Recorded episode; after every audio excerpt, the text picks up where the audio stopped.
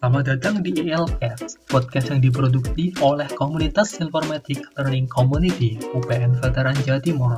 Di podcast ini, kita mengundang alumni Fakultas Ilmu Komputer untuk berbagi pengalaman baik semasa kuliah ataupun kerja. So, check it out! Selamat datang di episode kedua podcast ELC bersama saya, Firman Syafir Taus Anhar, bisa dipanggil Firman dari angkatan 19 dan kali ini saya ditemani oleh rekan saya uh, nama saya Muhammad Firman Syah dari angkatan 20. Oke, jadi uh, pada episode kedua ini uh, kami telah mengundang alumni informatika UPN Veteran Jawa Timur uh, angkatan 2015. Uh, namanya Mas Bari. Halo Mas Bari. Halo, halo, selamat malam semua. Selamat malam Mas. Uh, mungkin dari Mas Bari bisa mengenalkan diri lebih detailnya ke teman-teman pendengar sekalian. Oke, okay, uh, eh, assalamualaikum warahmatullahi wabarakatuh. Uh, perkenalkan nama saya Bari Hadi Varian Wahono, uh, biasa dipanggil Bari. Saya dulu di Teknik Informatika UPN Veteran Jawa Timur, saya angkatan 2015. Uh, juga dulu kalau di kampus saya sih seringnya aktif sebagai aslep dan asdos ya jadi mungkin kalau dulu banyak uh, kak kelas uh, maupun adik kelas yang kenal saya itu mungkin sebagai anak aslab gitu ya, anak anak lab gitu. Kalau dulu kalau untuk pengalaman organisasi sendiri sih saya dulu aktifnya di komunitas sebelah ya di Kolu. Jadi saya dulu salah satu pengurus di Kolu. Oke, menarik, menarik. Ringkasnya itu ya. Iya mas. Uh, jadi uh, Oke, uh, langsung ke pertanyaan pertama ya Mas ya. Sebelum kita bahas ke pekerjaannya Mas Bari, kita ingin tanya-tanya dulu seputar masa kuliahnya Mas Bari terlebih dahulu. Nah, Mas Bari ini dulu dulu waktu kuliah kegiatan Mas Bari ini apa aja? Uh, kayak komunitas gitu atau mungkin di, bisa dijelaskan lebih rinci lagi ceritanya gimana? Kalau saya sih sebenarnya kalau untuk daily life kampus ya. Kalau kalau uh, isti uh, kategorinya aku kalau untuk masa sekarang mungkin uh, semi kupu-kupu ya kalau saya ya. Jadi saya itu bukan mahasiswa yang apa ya uh, suka berorganisasi yang terlalu struktural kayak ormawa, hima dan pem sebagainya itu mungkin uh, agak kurang minat ya mungkin kalau saya sendiri. Jadi kalau saya, saya sendiri dulu lebih aktif di uh, di lab gitu ya. Uh, ikut bantu praktikum, bantu dosen ngajar maupun kalaupun ada mahasiswa yang kesulitan ya uh, sering bantu di lab gitu. Terus uh, kalau pengalaman organisasi sendiri sih yaitu tadi seperti yang saya sampaikan sebelumnya, uh, saya lebih suka uh, aktif di komunitas ya. Uh, jadi dulu saya aktifnya di Kolu karena saya dulu suka banget sama yang namanya Linux sama networking. Jadi uh, saya uh, cukup aktif dulu di Kolu jadi pengurus dulu padahal anggota biasa aja sih sebenarnya ya cuma join iseng-iseng gitu. Uh, di Kolu uh, kita bareng-bareng uh, motif OS bersama, bikin acara bersama, ya seperti komunitas-komunitas di teknik informatika yang lain kan, kayak ILC sendiri kan juga sering tuh kayak uh, belajar bareng uh, atau uh, bikin acara atau apa atau seminar gitu kan atau bikin uh, ya kursus kecil-kecilan lah kayak gitu. Seringnya kayak gitu kalau saya dulu pas kuliah. Jadi saya mungkin ya itu tadi semi kupu-kupu. Mungkin uh, sering sering aktifnya uh, di akademisi aja, nggak nggak di apa namanya uh, organisasi struktural secara resmi gitu kayak Ormawa. Nah, ini mas, uh, saya juga sebenarnya itu agak penasaran dengan ini Astos ini kan. Kalau yang uh, saya lihat dari LinkedIn apa LinkedIn-nya Mas Bari ini Mas Bari itu udah jadi Astos di uh, beberapa matkul. Nah, itu bisa diceritain nggak Mas? Awalnya gimana kok bisa jadi Astos dan uh, kenapa kok bisa terus gitu? Ada alasannya uh, Jadi gini, uh, awalnya itu dulu pas semester 3 jadi pas semester 3 itu ada open recruitment untuk jadi aslabnya mata kuliah algoritma pemrograman ya. Yang uh, untuk semester 1 itu jadi uh, atau open recruitment ya iseng lah coba-coba daftar gitu kan dengan uh, skill saya programming yang ya nggak jago-jago banget lah gitu kan eh keterima uh, dalam satu kondisi keterima udah deh bantu-bantu jadi aslep kan nah di semester selanjutnya kebetulan itu uh, dulu fakultas kita itu merger sama itu ya kalau kalau yang belum tahu jadi dulu uh, teknik informatika ini jadi satu sama FTI depan sama fakultas fakultas teknik. Setelah itu baru pisah sendiri kan jadi fakultas ilmu komputer. Nah, setelah berpisah uh, dari FTI, tentunya ada perubahan di sana sini, restrukturisasi dan lain-lain ya, uh, regulasi kebijakan. Nah, dan akhirnya itu mungkin uh, yang tadinya aslep formasi aslab yang terbentuk secara struktural gitu kan.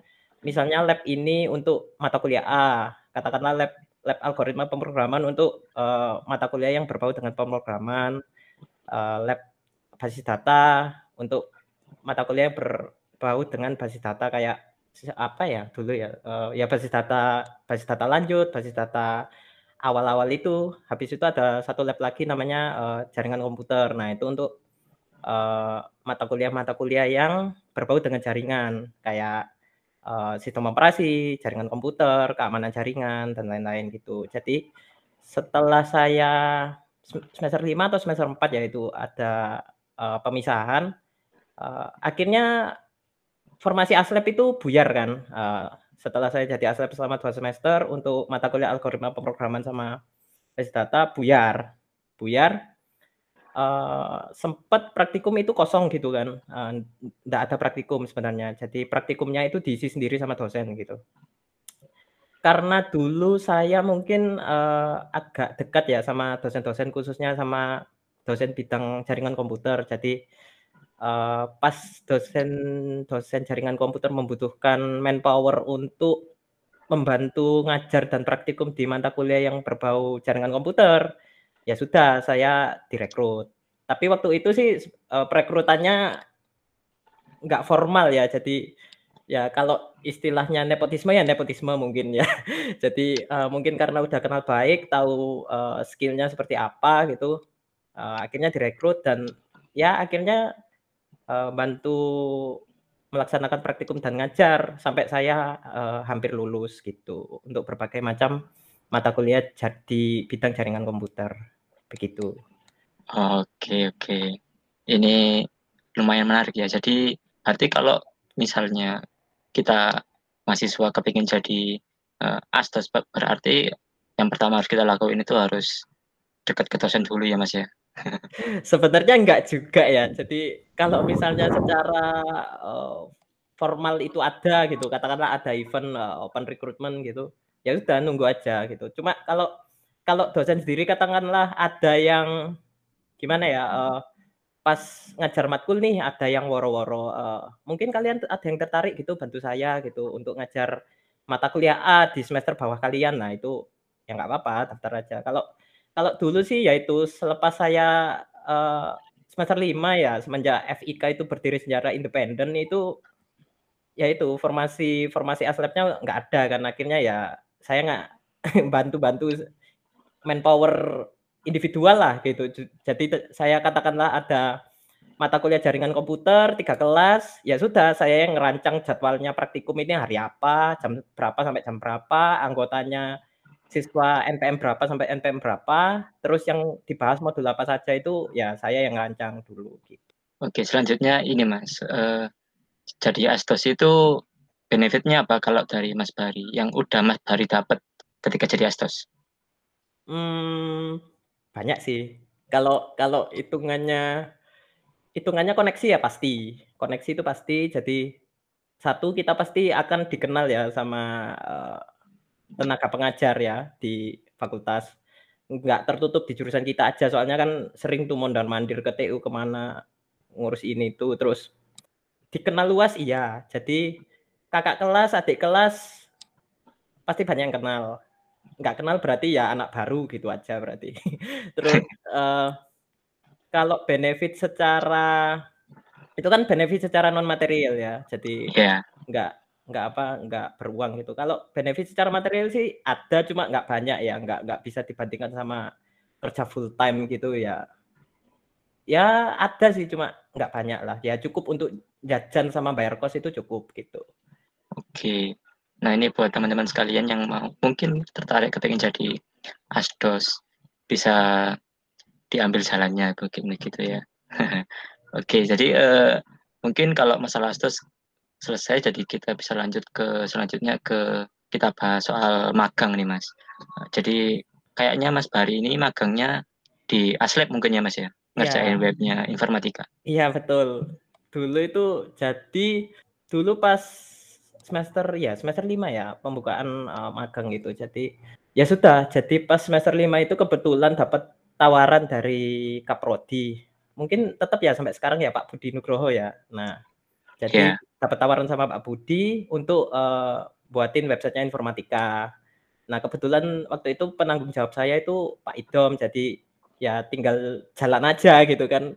Buatin di situ, buat sudah selesai deploy gitu udah selesai gitu. Cuma kekurangannya mungkin uh, website yang saya buat dulu nggak ada yang maintenance ya. Maksudnya itu nggak ada manpower yang uh, maintenance website ter tersebut gitu. Jadi harusnya kan uh, katakanlah dependensi-dependensi yang perlu itu diupdate terus gitu kan. Itu nggak ada dulu, nggak ada yang update artikel. Jadi jarang-jarang gitu aja petugas TU sesukanya aja dulu. Kalau sekarang kan kalau aku lihat kayaknya udah lebih terstruktur ya, lebih rajin, update-nya juga lebih sering gitu. Jadi dulu itu yang update kadang sering kali itu mahasiswa sendiri sih dulu. Jadi kurang bagusnya sih dulu kurang terstruktur aja. Hmm, oke oke. Oke, lanjut Mas. Uh, kita lanjut ke bahas skripsi ini. Uh, mungkin singkat aja skripsinya Mas Bari itu tentang apa? Uh, jadi gini, uh, saya itu sempat sempat ganti judul skripsi yang membuat saya nggak bisa lulus tiga setengah tahun. Jadi uh, pada awalnya itu mahasiswa itu pasti dong punya namanya rasa idealis itu ada ya. Jadi mumpung skripsi ini uh, tugas sekali seumur hidup, aku pengen bikin yang keren gitu kan, bikin yang keren gitu. Uh, pasti buatnya juga nggak mudah gitu. Jadi dulu itu pada awalnya itu aku pengen buat robot tracking objek dulu. Sebenarnya udah ada, sudah ada alatnya di lab itu tinggal pakai gitu kan. Jadi Arduino-nya udah ada, motornya udah ada, jumpernya udah ada dan lain-lain gitu. Tinggal pakai dan run. Cuma karena satu dua hal, contohnya kayak apa namanya ketentuan pas revisi, jadi ada banyak sektor yang diubah ya. Jadi banyak yang sektor yang diubah uh, karena menuruti keinginan dosen pembimbing gitu ya. Terus uh, perubahan sektor tersebut butuh alat baru dan alat barunya juga nggak murah gitu kan. Dan kebetulan saat itu dana saya terbatas gitu.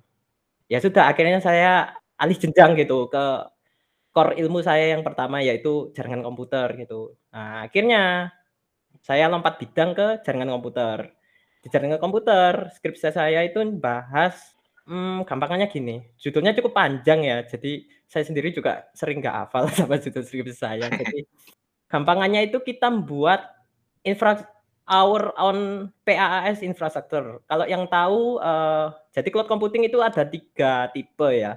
Ada IaaS, ada PaaS, sama SaaS. IaaS itu infrastruktur as a service, PaaS itu platform as a service, yang ketiga SaaS serv, uh, software as a service. Nah, saya ngambil yang tengah-tengah yaitu platform as a service. Nah, contohnya apa? Kalau yang secara komersil diketahui sama mahasiswa secara luas ya, itu kalau yang tahu uh, Heroku. Heroku itu PAS. Jadi saya itu buat satu server, uh, satu server PAS uh, gunanya untuk deploying tugas-tugas mahasiswa yang uh, dibatasi tiga platform. Jadi bisa deploy Node.js, bisa deploy PHP, sama deploy Python pas itu. Jadi Python untuk web ya kan Python itu luas gitu kan, bisa untuk desktop, bisa untuk web, bisa untuk uh, machine learning. Nah, kebetulan waktu itu saya batasi untuk Python untuk web, jadi pakai Django sama Flash. Jadi uh, secara fungsi gampangnya itu kita cukup tinggal uh, kode kita itu kita pack ke dalam satu repository gitu ya, terus kita deploy di uh, PAS server tersebut ya sudah langsung jalan live gitu. Tinggal koneksi sama uh, repo database-nya aja. Begitu sih kalau pakai database ya. Kalau uh, static website ya langsung jalan begitu.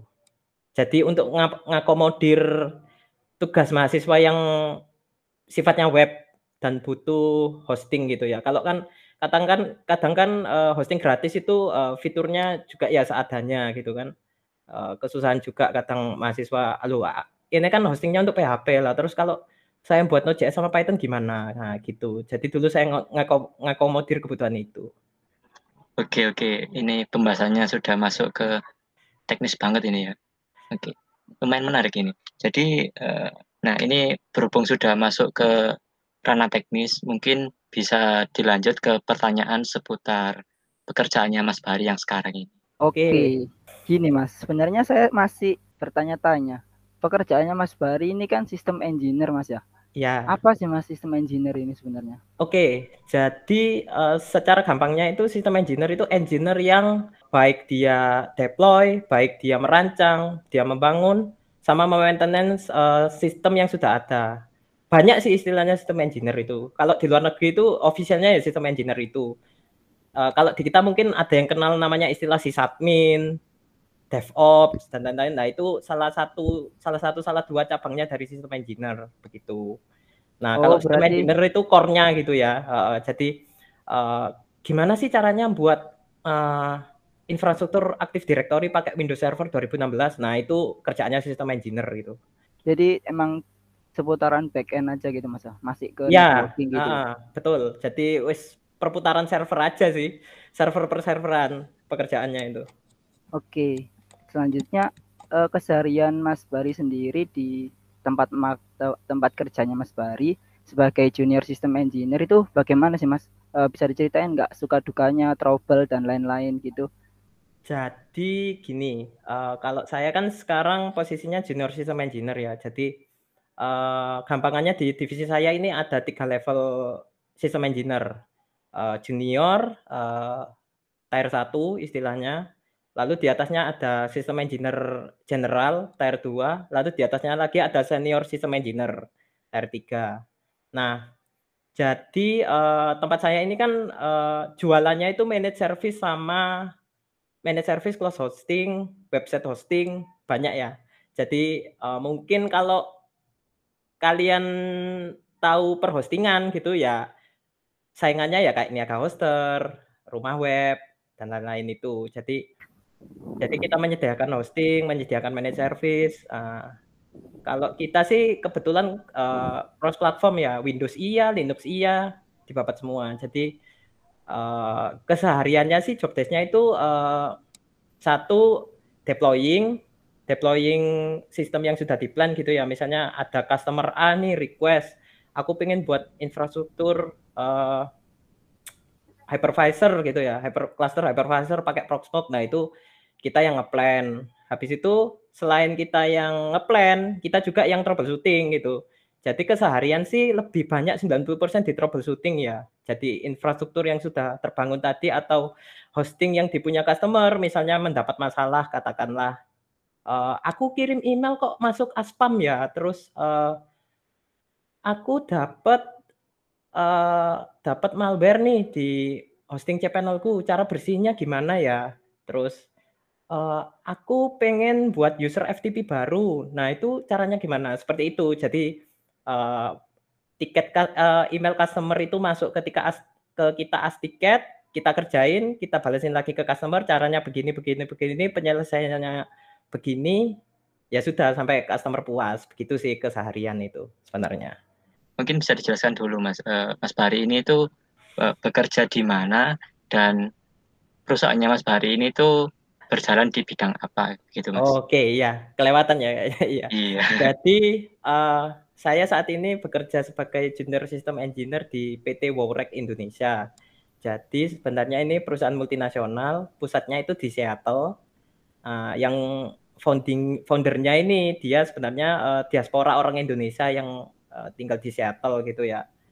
Nah, ya sudah buat uh, manage service, manage service sama cloud hosting gitu kan di sana sama data center. Nah, kenapa nggak uh, melebarkan sayap ke negeri sendiri gitu kan idenya pas itu. Ya sudah. Jadi di di Surabaya sama di Jakarta buat kantor juga di sini. Jadi mostly sih uh, bidang kerjanya di yaitu tadi manage service sama cloud hosting. Kalau yang nggak tahu manage service itu mungkin begini ya. Uh, kalau aku jelaskan lebih mudahnya. Jadi uh, katakanlah suatu perusahaan A. Perusahaan A ini pengen punya uh, server web server web server, server database sama uh, server aplikasi gitu katakanlah. Nah, itu kita kita yang ngeplan, kita yang troubleshoot, kita yang maintenance, nah itu disebut manage service namanya. Jadi kita yang manage, tapi sebenarnya itu uh, kebutuhannya customer gitu. Jadi itu yang disebut manage service, gitu uh, kalau suka dukanya mas mungkin ada keluhan dari Mas Bari sendiri sebagai uh, kalau suka dukanya sih pasti banyak ya uh, kebetulan kalau saya uh, di sini itu suka dukanya sukanya dulu ya mungkin. Sukanya dulu itu ilmunya banyak banyak banget. Jadi saya kerja di sini hampir dua tahun. Dibandingkan saya kuliah empat tahun teknik informatika di UPN itu nggak ada apa-apanya sebenarnya kuliah empat tahun di UPN itu. Jadi oh, gitu ilmunya banyak banget. Jadi mungkin terlalu banyak ya karena uh, oh ya belum saya jelaskan ya. Jadi di Worek ini ada tiga tim besar sebenarnya. Uh, Windows, Linux sama network. Nah, kalau se saya sekarang ngarahnya itu ke tim Linux kan. Karena uh, tapi karena saya junior system engineer, jadi ya kalau ada problem masuk ya saya kerjain semua yang mudah-mudah gitu kan. Ya selagi saya sanggup jadi antara Windows, ya Linux, ya network, ya dikerjain semua. Nah, karena bidang tersebut dikerjain semua, alhasil kan ilmunya banyak tuh. Uh, yang tadinya nggak tahu apa itu Active Directory jadi tahu, nggak tahu apa itu Hyper-V, apa itu Proxmox. Nah itu wah belajar semua kan, belajar mulai awal lagi. Karena di kayaknya nggak ada deh uh, teknik informatika se Indonesia yang bahas apa itu hypervisor, caranya apa itu SSL, bagaimana caranya redirect HTTPS ke HTTP kayaknya nggak ada deh. Nah itu jadinya saya belajar banyak ya tentang hal tersebut gitu, tentang uh, job desknya engineer gitu. Uh, sukanya ya itu sih, ilmunya banyak banget.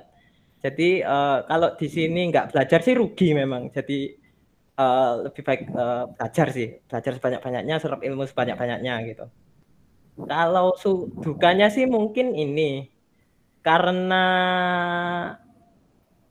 perusahaan saya itu itu ya uh, perusahaan servis, perusahaan layanan jadinya ya kerjanya itu sebenarnya 24 per 7 gitu kan. Jadi shifting gitu kan sistem engineer-nya. Jadi ada shift shift pagi, shift sore sama shift malam gitu. Nah, alhasil uh, sering kali kayak weekend gini uh, masuk kerja gitu kan. Weekend masuk kerja, liburnya hari biasa. Selasa Rabu, Rabu Kamis gitu. Jadi ya dukanya mungkin uh, nggak bisa seperti karyawan pada umumnya ya, yang uh, tanggal merah libur, weekend libur, liburnya beda gitu. Jadi seperti apa ya?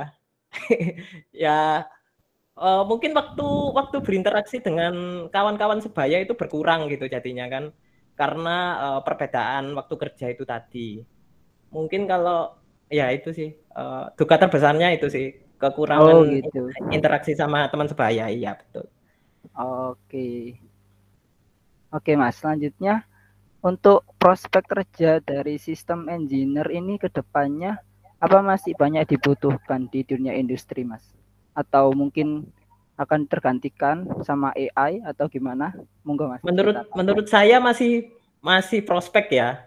Karena selagi kalian mulai website ya di belakangnya server itu ada sistem engineer yang ngurusin gitu kan. Uh, mungkin uh, kalah kalah apa ya? Kalau kalau bisa dibilang kalah tren ya karena ilmu itu juga ada tren-trennya. Kalau saya lihat sekarang kan uh, trennya ilmu IT ini lebih ke arah AI machine learning kecerdasan buatan itu kan. Terus uh, programmer yang namanya programmer itu udah contoh front end developer itu. Itu pasti pusing oh, iya. itu tiap hari pasti ada framework baru itu pasti. Iya benar-benar. Nah kan? Nah kalau menurut saya sih sistem engineer ini uh, ilmunya lebih apa ya lebih stagnan. Uh, perubahannya ada cuma nggak terlalu cepat kayak ilmunya programming sama machine learning ya gitu. Jadi memang ada perubahan cuma nggak banyak. Memang uh, ke depannya kan ada otomasi ya. Jadi uh, bisa deploy virtual machine secara otomatis, bisa uh, setup uh, Cloud VM as template gitu kan kita tinggal deploy aja gitu. Nah, cuma kan uh, di belakangnya tetap ada yang harus ngurusin gitu kan, bare metalnya itu seperti apa gitu kan. Nah, itu tetap ada oh, sih selagi iya. selagi website, selagi uh, tool machine learning itu dibutuhkan, ya di belakangnya tetap ada sistem engineer yang ngurusin servernya gitu sih. Oh, berarti memang masih sangat dibutuhkan Mas ya. Ya. Mungkin kalah tren aja sih. Jadi katakanlah di suatu perusahaan uh, butuh orang IT gitu ya 10 posisi. Mungkin 9 posisinya itu programmer satunya ya sistem engineer kalau enggak network engineer. Jadi seperti tersisihkan gitu. Nah betul. Kalah tren aja sih gitu. Oke masuk ke pertanyaan selanjutnya. Monggo mas. Oke oke. Jadi ini mas yang tak lihat dari LinkedIn-nya Mas Bari ya itu kan Mas Bari juga merupakan lulusan SMK di Buduran ya Mas ya, jurusan TKJ. Nah, uh, Mas Baris masa kuliah juga uh, pernah bikin website dan freelance bikin website. Nah, uh, dari Mas Barinya sendiri uh, apa sih Mas uh, yang membuat Mas Bari itu tertarik ke dunia networking dan sistem engineer itu pemicunya apa? Apakah karena emang backgroundnya dari SMK jadi diterusin aja begitu atau apa ada alasan menarik gitu Mas? Hmm, mungkin kalau ke networking itu satu minat ya. Jadi minat. Dulu itu kan kita tahunya sistem operasi itu ya cuma Windows itu aja kan. Terus pas SMK itu kenal yang namanya Linux itu. Oh keren ya ternyata ya open source gratis gitu. Uh, mendalami lah akhirnya kan berminat dan mendalami gitu. Nah setelah itu uh, sudah karena lingkungannya SMK Teknik Komputer jaringan ya tiap hari kan urusannya sama itu aja. Uh, jadinya pas uh, berminat kuliah, pas ngambil IT ya sudah uh, karena minatnya dari awal memang itu, ya sudah kita terusin aja kenapa enggak gitu kan. Uh, toh yang enggak ada ruginya gitu. Nah, ternyata pun uh, bisa menghasilkan juga gitu. Banyak manfaatnya. Jadinya ya kalau bisa dibilang sih dari awal ya minat sama lingkungan sih yang mempengaruhi ya. Hmm, oke menarik. Iya. Oke Mas, saya tadi lupa mau menanyakan kalau mau jadi seperti Mas Bari ini seorang sistem engineer, apa aja sih Mas yang harus dipersiapkan? Misalnya kalau ada sertifikasi atau bagaimana? Ah, ini sih uh, jadi itu hmm, dunianya orang IT itu kan banyak tuh sektornya kan. Nah, ini menurut saya kenapa hmm, masih sedikit ya sistem engineer itu jadi uh, skillnya sistem engineer itu nggak bisa dibuktikan secara skill aja ya. Kan kalau programmer kan enak kalau membuktikan skill itu. Uh, kita tinggal buat repo di GitHub, kita upload uh, hasil karya kita gitu buat buat apa kayak buat website kayak buat aplikasi A B C. Nah, itu kan bisa dilihat banyak orang. Katakanlah ngelamar di perusahaan itu tinggal ya tinggal pamer akun GitHub aja gitu. Oh, bener, bener. Aku, aku pernah buat begini gitu. Nah, kalau sistem engineer itu nggak bisa seperti itu. Jadi kan orang kan nggak tahu tuh kita skill kita seperti apa. Nah, salah satunya itu dengan sertifikasi. Nah, jadi misalnya uh, kayak di Linux nih banyak tuh uh, sertifikasi-sertifikasi yang uh, related sama Linux. Contohnya itu uh, kalau di cloud computing kan ada AWS tuh. AWS Cloud Practitioner, AWS Solution Architect, terus ada juga uh, certified-nya sistem administrator punyanya Linux Foundation, punyanya CompTIA. Jadi uh, kalau orang IT mau terjun ke dunia sistem engineer sama network engineer ya sedikit banyak harus sertifikasi sih memang. Berarti memang perlu Mas ya? Iya, Karena... sel selain menunjukkan skill ya. Jadi soalnya pas kita uh, pas kita cari job itu uh, perusahaan nggak bisa screening kita sebagai askarya kita kan soalnya loh aku tahu kamu bisa setup uh, Hyper-V itu dari mana gitu kan nggak tahu kalau sistem engineer kan kita harus praktekin secara langsung tuh di depan di depan beliau gitu kan, di depan yang rekrut kita gitu. Kalau mau membuktikan skill. Nah, tapi kan uh, proses rekrutmen job itu enggak enggak seperti itu kan. Harus ada screeningnya lah. Sertifikasi itulah salah satu yang uh, memudahkan, memudahkan kita untuk di screening gitu ya. Oh orang ini udah katakanlah udah punya pengalaman satu tahun, dia juga sudah certified Cisco Network Administrator gitu ya misalnya. Nah, udah tuh uh, pasti perusahaan juga sedikit banyak tertarik gitu kan. Seperti itu. Jadinya kalau mau terjun ke sistem engineer gitu ya, bidangnya sysadmin, network engineer itu ya sedikit banyak mungkin uh, satu nyicil skill mulai sekarang sama uh, nabung aja sih buat sertifikasi. Soalnya kebanyakan sih bayar. Memang bayar uh, dan mahal banget. Cuma uh, mungkin kalau sekarang lebih enak ya dari tahunku dulu. Jadi sekarang itu banyak uh, banyak course-course uh, kalau tahu itu Digitalent itu ya, Digitalent Academy punyanya Kominfo itu kan. Oh iya iya iya. Uh, banyak memberikan course course-course IT itu uh, ada yang network punyanya Cisco, ada yang uh, cloud computing punyanya Red Hat, ada yang cloud computing punyanya AWS. Nah, itu kebanyakan kalau kita komit menyelesaikan course tersebut dengan predikat-predikat memuaskan, biasanya uh, dapat gratis sertifikasi begitu. Kalau tahun okay. tahunnya saya dulu nggak ada gitu kan hal-hal kayak gitu gitu. ya susah Jadinya, juga gitu. Uh, lebih susah gitu kan. Kalau sekarang sih lebih enak sih. Okay, Masih okay. mahasiswa ongoing juga bisa daftar juga. Siap siap. Kalau menurut Mas Bari sendiri nih, Mas Bari kan uh, sudah bekerja di sebagai sistem engineer. Kalau menurut Mas Bari, sertifikat apa yang satu aja Mas yang paling menurut sampean itu worth it diambil buat jadi sistem engineer? Ini tergantung bidangnya ya. Tergantung bidangnya. Jadi katakanlah di tempat saya ada tiga bidang tadi sih beda-beda gitu. Certified certified bidangnya yang ingin diambil gitu. Oh, Contohnya oh, beda -beda. Uh, betul. Jadi kalau di Linux sendiri uh, yang apa ya prestis itu ada dua sebenarnya yang pertama itu LFCS. LFCS itu Linux Foundation Certified Sysadmin. Sama yang kedua itu RHCSA. Red RHCSA ini Red Hat Certified System Administrator. Jadi dua sertifikat tersebut yang cukup prestis ya di dunia kerja oh. bidang Linux System Engineer itu cukup prestis.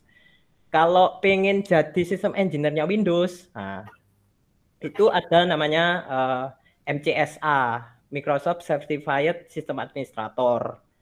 Nah, itu kalau pengen terjun di Windows. Jadi kalau orang awam mungkin nganggapnya dikiranya Windows itu cuma ya gitu-gitu doang gitu kan. Iya, benar-benar. Sebenarnya lebih, ada lebih dari itu. Windows, gitu. Uh, uh, lebih dari itu gitu kan. Uh, Windows Server itu bisa banyak, bisa buat mail server, bisa buat web server, bisa buat uh, Active Directory banyak. Okay. Nah, kalau keren, di network keren. di network engineer sendiri itu yang cukup bonafit sampai sekarang ya dari aku sekolah dulu sampai sekarang bertahan sertifikasinya itu punyanya Cisco, CCNA itu.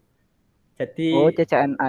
Ya, okay, betul. Jadi kalau kalian cari job misalnya di LinkedIn, di Jobstreet dan lain-lain itu kalau cari keywordnya network engineer pasti 90% minta CCNA. Kalau kak minim minta mikrotik MTCNA. Benar. Itu bener, paling minim itu. Nah. Saya sudah research itu. Begitu. Jadi kalau pengen pengen ke sistem engineer sih ya kalau fresh graduate sih pasti jatuhnya posisi junior kayak saya gitu kan. Soalnya saya kan masuk sini juga fresh graduate gitu kan, habis wisuda langsung masuk sini uh, saat itu juga nggak punya sertifikat yang cukup bonafit gitu kan sertifikat ya seadanya aja pas itu kalau untuk sekarang iya. sih udah udah dicicil-cicil sih ngambil I ngambil A ngambil B ngambil C gitu oke okay, oke okay. oke okay. nah, uh, ini mas uh, saya juga ada uh, dengan segala sertifikasi yang udah mas Bari sebutin berarti bisa dianggap kalau alma mater itu udah termasuk nggak relevan berarti ya mas ya kalau di dunia sistem engineer? Hmm, kalau ini tergantung tergantung company-nya sih sebenarnya. Kalau kalau menurutku kalau di company-ku sendiri itu udah gak relevan. Soalnya juga katakanlah uh, lulusan kampus besar itu juga nggak menjamin dia punya skill sebagai sistem engineer gitu loh. Nah, itu. Itu. Soalnya uh, apa ya uh, skill system engineer ini nggak bisa nggak bisa kayak programmer yang kita belajar enam bulan secara mandiri itu bisa gitu nggak bisa kita harus uh, pengalamannya itu didapat dari ngerjain case. Nggak bisa kita self lab itu nggak bisa disamain sama ngerjain case soalnya. Bisa sih buat hmm. buat latihan aja gitu kan buat knowledge gitu. Cuma kalau secara ngerjain case pasti beda gitu kan. Yang tadinya kita belajar buat satu web server eh ternyata pas uh, case dunia nyata loh web servernya kok ada 12 dibuat load balancer terus di belakangnya ada network file system sebagai dokumen root websitenya. Gimana ini caranya troubleshooting lah kayak gitu? Beda-beda. Beda jauh lah. Beda jauh sih. Case dunia nyata sama lab itu kalau job sistem engineer. Oke oke. Oke oke. Menarik menarik. Menarik sekali itu sistem engineer. Bentar mas. Saya mau tanya. Kalau range dari range gaji dari sistem engineer sendiri itu bagaimana mas? Ini sebenarnya yang saya pengen saya tanyakan dari dulu Hmm, ini tergantung satu tergantung company, dua tergantung lokasi ya.